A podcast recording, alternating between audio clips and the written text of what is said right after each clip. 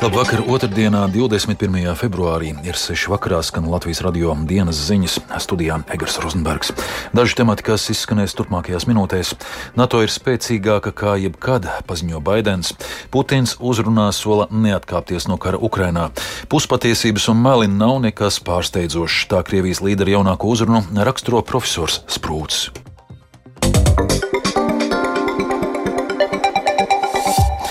ASV prezidents Džo Baidens pēc brīža gatavojas teikt nozīmīgu uzrunu Varšavā.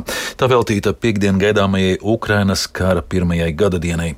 Uzruna notiek īsi pēc Baidena negaidītās vizītes Kīvā un vienā dienā ar Krievijas prezidenta Vladimira Putina uzstāšanos savas valsts parlamentāriešu priekšā. Varšavā atrodas arī mūsu korespondents Arķoms Konohovs. Plašāk par Baidena vizīti klausieties viņa sagatavotajā ierakstā.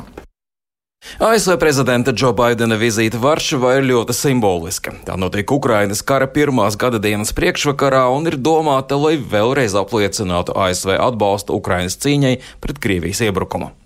Baltā nama pārstāvji ir sacījuši, ka Baidens sūtīs signālu gan amerikāņiem, gan visas pasaules iedzīvotājiem. Ir skaidrs, ka vēstījumi tiks sūtīti arī Maskavai. Tāpat var noprast, ka ASV prezidents vēlas īpaši uzrunāt ukrāņus, jo viņa runa tiks tulkota ne tikai poļu, bet arī ukrāņu valodā. Tas atgādina arī par lielo ukrāņu bēgļu skaitu, kas pašlaik atrodas Polijā. Pēcpusdienā Baidens tikās ar Polijas prezidentu Andžeju Dudu. Tikšanās sākumā viņš sacīja, ka pretēji Krievijas prezidenta Vladimira Putina gaidītajam, NATO tagad ir spēcīgāka nekā pirms gada.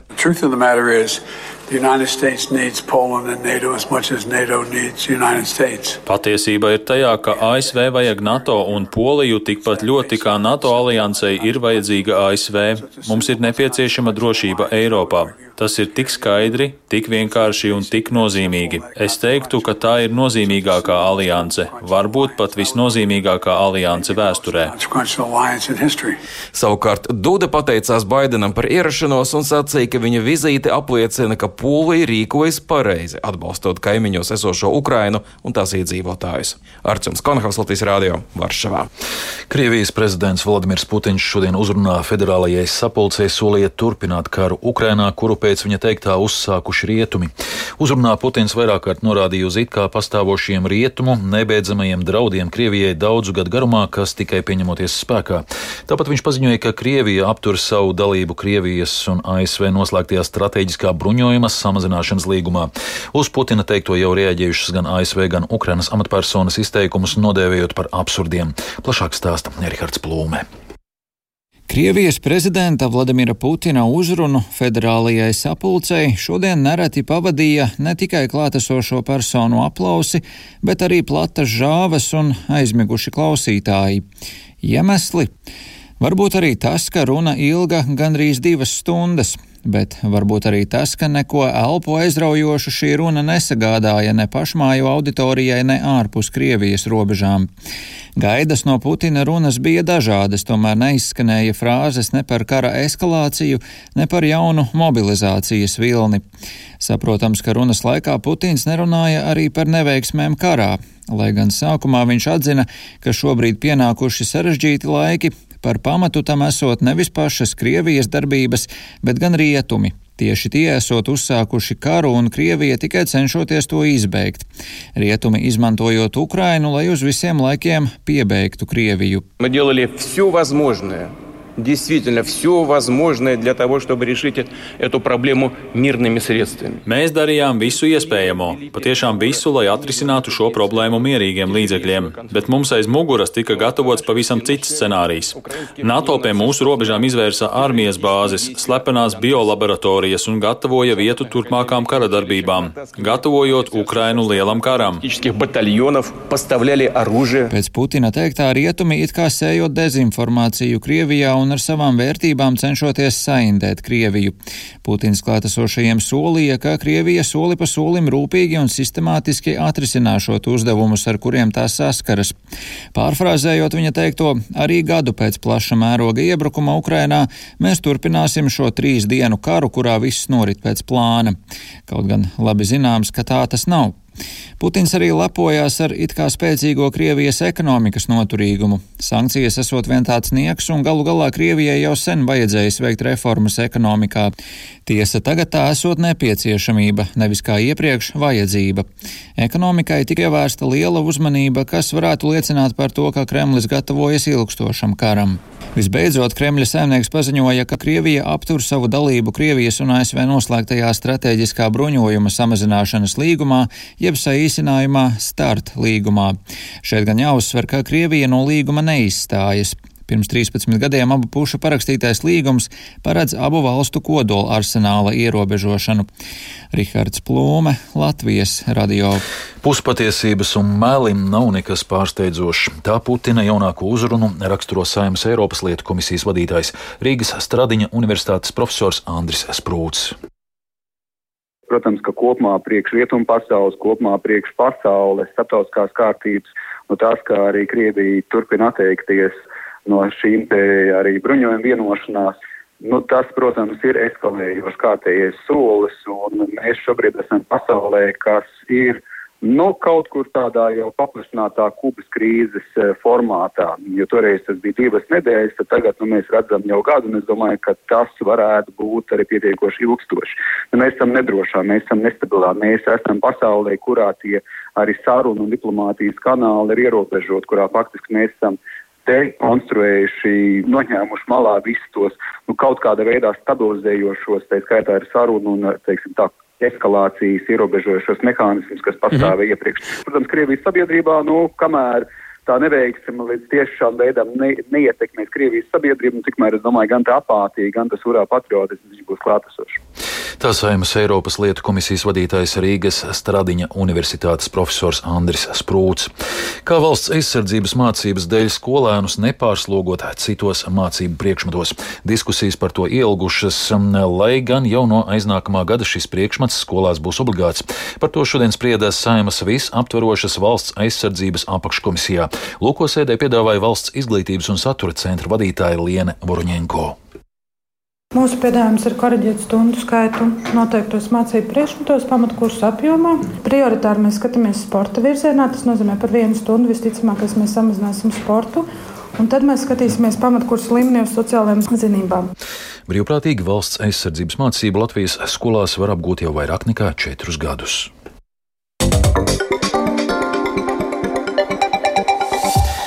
Pienākumu vakcinēties pret covid-19, ko savulaik noteica, bija un joprojām ir arī tiesu sistēmas darba kārtībā, jo iedzīvotāji vērsās tiesā meklējot taisnību šajos jautājumos. Kādi spriedumi bijuši līdz šim un kādi vēl gaidāmi, plašāk Lindas Spundiņas ierakstā. 2021. gada nogalē stājās spēkā valdības rīkojums, ka valsts un pašvaldību institūciju darbinieku un amatpersonas savus darba pienākumus var veikt tikai tad, ja viņiem ir vakcinācijas pret covid-19 vai pārslimošanas certifikāts. Pretēji darba devējs darbiniekus varēja arī atlaist. Strādājošie nepiekrītot šādiem nosacījumiem iesniedza pieteikumus administratīvajās rajona tiesās.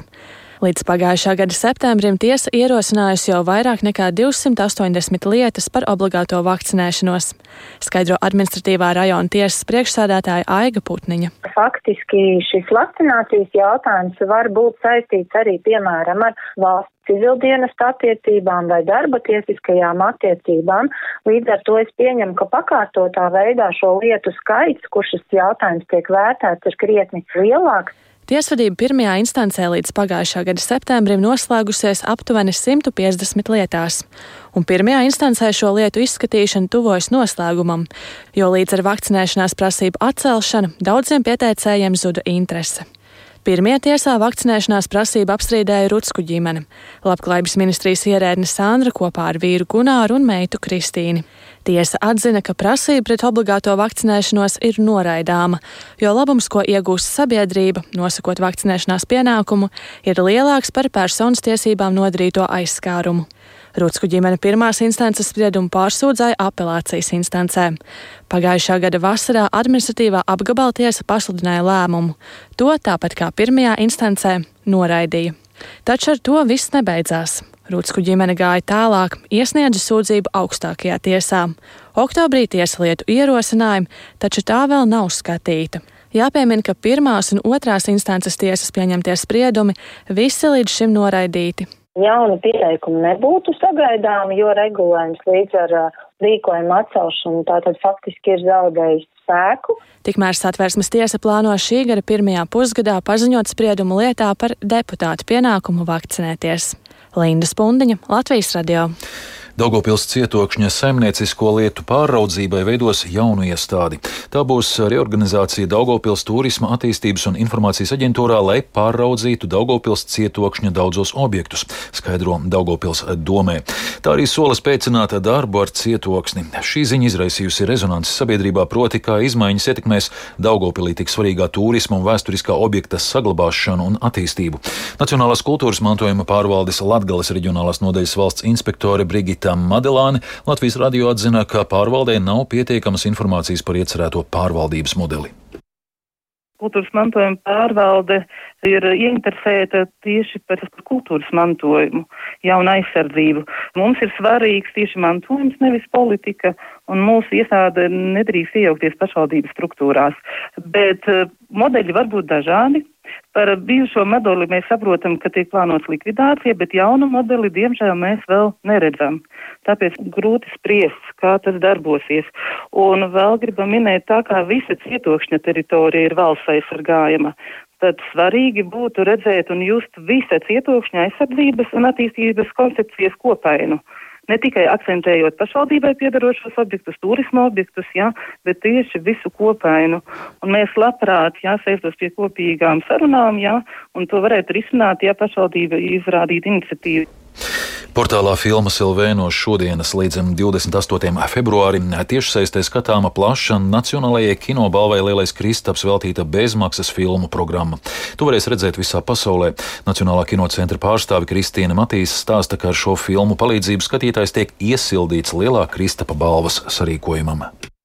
Kā katru gadu ir zināms jau iepriekš pirms festivāla, kurš saņem balvu par mūža ieguldījumu, šogad tas ir uh, kino dramaturgs un scenārists Alvis Lapiņš, un mēs, protams, portālā Films LV izceļam sešas filmas, no tām gandrīz 30, kuru scenārija autors ir Alvis Lapiņš, Tur ir gan ļoti komiskā īsfilma tās Dulās Paulīnas dēļ, gan ļoti, ļoti populārais Ziemassvētku jampatracis, gan, piemēram, ģimenes filma Saules sveci. Ir arī viena dokumentālā filmu spēles Latvija Pētera Krilo filma, kurai arī Alvis Lapiņš ir rakstījis scenāriju. Otrs lielais bloks, kas jāatceras, ir iespēja iesildoties šā gada Kristapam, šā gada labāko filmu izlasēji, noskatīties iepriekšējā gada labāko filmu izlasi. Un ir jāatceras, ka pagājušajā gadā spoži nosvinēja simtgadi un no mums aizgāja režisors Rolands Kalniņš. Un tagad atceramies ar iespēju skatīties divas filmas šajā te Kristapa programmā, bet viņa filmu kolekcija ir vēl savietota portālā un atrodama.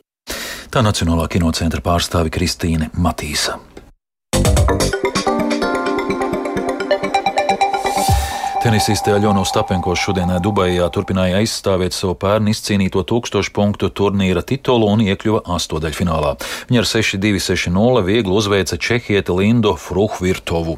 Ostapenko punktā pārvērta 6 no 11 breakbumbām, bet pretinieci izmantoja vienīgo iespēju. Latvijas tenisiste uzvarēja 56 no 89 izspēlēm. Latvijas vīru basketbola izlase šodien turpina gatavoties pēdējām divām pasaules kausa kvalifikācijas spēlēm, kaut vieta fināla turnīrā jau garantēta garantēta. Jau piekdienu latviešu izbraukumā spēkosies ar Turciju, bet nākamā pirmdienā Rīgā uzņems Grieķus. Izlasē pēc ilgākas pauzes atgriezies aizsargs Aigars Šķēle, kurš atzina, ka Latvijas Basketbola Savienība pēc netikšanas uz Eiropas čempionātu pirms diviem gadiem izdarījusi pareizos secinājumus.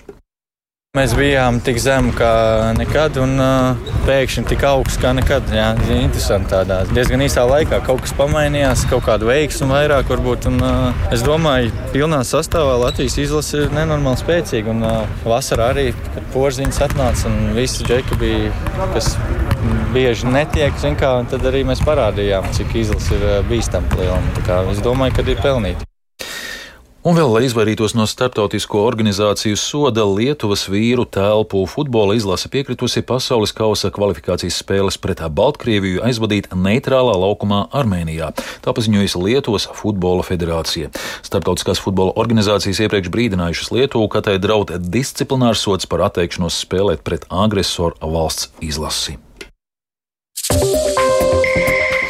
Izskan Latvijas radio dienas ziņas producentē Vija Bremse, ierakstus montēja Renāša Šteimanis par labskaņu rūpējās Toms Šupēko studijā. Egars Rozenbergs vēlreiz īsumā par svarīgāko.